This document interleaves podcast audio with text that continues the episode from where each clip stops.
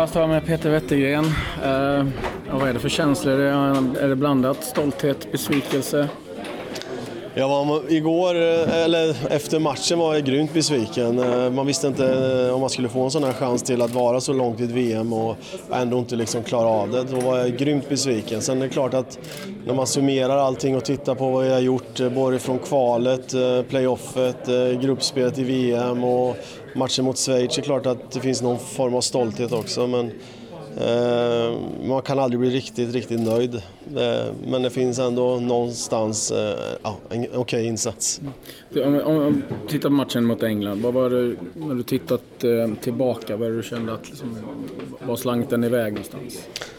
Men vi var, vi var rätt ute, vi var rätt på det innan de gör sitt eh, första mål. Det är klart att de har mycket boll, det visste vi. Eh, vi visste exakt hur de eh, ville anfalla och jag tyckte att vi, vi låste de sakerna och vi lät deras tre mittbackar ha bollen och det sa vi att de slår inga avgörande passningar. Om vi ligger rätt så, så kommer vi få bra omställningslägen. Vi lyckades inte utnyttja de omställningarna vi fick mot England. Eh, slutade av med får de en hörna. Vi visste att fasta situationer är, det är gambling. De har varit väldigt duktiga på det. Och lyckades de göra ett mål på oss och då blev vi som blev jagande. Och i det läget kände väl jag någonstans att det kanske inte passar oss hundra. Och de lägena vi får när det står 1-0 eh, är man nästan tvungen att sätta då för att man ska kunna äta sig in i matchen. Men vi gav aldrig upp, vi gav det en chans i andra halvlek också. Och även när de gjorde 2-0 så försökte vi göra allt som fanns i vår makt eh, med forceringsfaser. Och, men England var lite bättre än oss den här dagen så att eh, vi förlorade mot en lite bättre motståndare frågade ju Janne där, eh, lite eh, lärdom. Jag vet att det är ganska tätt inpå. Liksom. Men vad, vad, kände du någonting att oh, det här var någonting jag inte hade räknat med eller fick jag uppleva första gången? Men jag känner liksom, vi har gjort mycket bra saker. Jag tror inte vi hade gått till kvartsfinal om, om vi inte hade gjort de sakerna. Boendet nummer ett, vi trivdes väldigt bra där. Eh, hur vi spelade fotboll, alla spelare ställde upp på det både offensivt och defensivt. Eh, vi lät spelarna få vara med mycket i processen, eh, i olika processer som vi jobbade med. Både spelsätt, fasta situationer och allting sånt. Vi, vi, vi tog med dem. Och det gör ju också att de, de ska utföra det sen på plan och när de är med och bestämmer lite även om de inte har en bestämmande rätt utan de får vara med och påverka så, så blir det att de, de driver ju också linjen stenhårt ute på plan och någonstans får du aldrig komma tillbaka till att det är individerna på plan som ska göra det. Jag brukar alltid efter ett EM eller ett VM att man ser lite trender. Vad, vad har du sett den här turneringen? Ja, men det är ganska intressant. Det har funnits en debatt eh, att eh, vinner du inte bollinnehavet så vinner du inga matcher och det är väl motsatsen lite i VM. Eh, många lag har vunnit utan att ha vunnit bollinnehavet.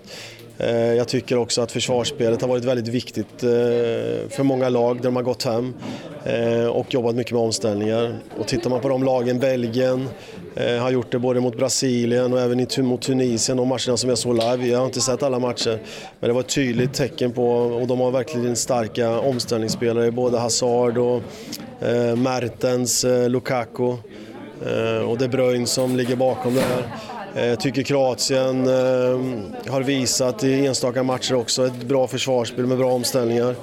Eh, och sen har vi England då, som har varit väldigt strukturerade, spelat mer oengelskt än vad man har sett förut. någonstans så tycker jag att de har tagit en del av, av det italienska tänket under Contes tid. Eftersom jag scoutade i Italien så kände jag, såg jag väldigt mycket likheter mellan Englands sätt att spela och Italiens sätt att spela. Och Frankrike också har också ändrat sitt spel från vi mötte dem i kvalet. Eh, tagit in Mbappé som en kvick omställningsforward. Eh, När de slår ut Argentina och andra, några andra lag har de också lagt grunden på försvarsspel. Så det är väl en liten trend om det nu är en trend. Jag noterar att det är ganska många som spelar 4-4-2, precis som Sverige har gjort. Man ser också även i Spanien. Tror du att det liksom känns som att det är någonting som kommer komma än mer? Ja, men I Spanien har ju spelar ju alla lag i La Liga 4-4-2. Jag var nere på ett besök hos Valencia några veckor innan och hade ett lång diskussion med deras tränare och han säger att alla lag i Spanien spelar 4-4-2. Fast sen blandar man lite i sitt sätt att spela försvarsspel och vissa taktiska matcher kanske man drar ner någon spelare här men i grunden är det ett 4-4-2. Men jag tycker debatten är bra, jag tycker det är roligt i Sverige att många lag spelar på olika sätt. För någonstans så tror jag att det är bra för fotbollen att vi, att vi har en debatt och att vi, att vi provar lite olika saker. Vad, vad känner du nu? Um ni var inne på det här med processen för att ta nästa steg, alltså kanske att utveckla, man kommer i ett läge att man hamnar underläge och behöver jaga. Är det, är det den delen du behöver titta mer på? Kanske? Ja men det är det väl.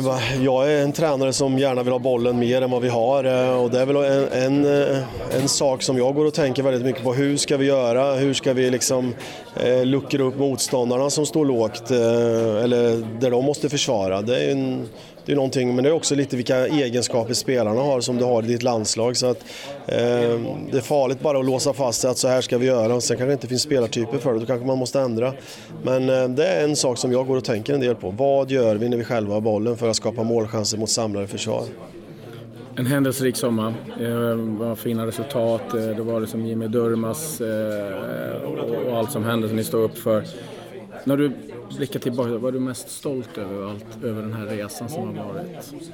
Ja, men man är ju stolt. Eh, jag är stolt över fotbollssverige om jag ska säga och det menar jag mycket. Både våra supportrar, eh, kärleken som finns eh, när vi vinner matcher, hur det förenar människorna i samhället.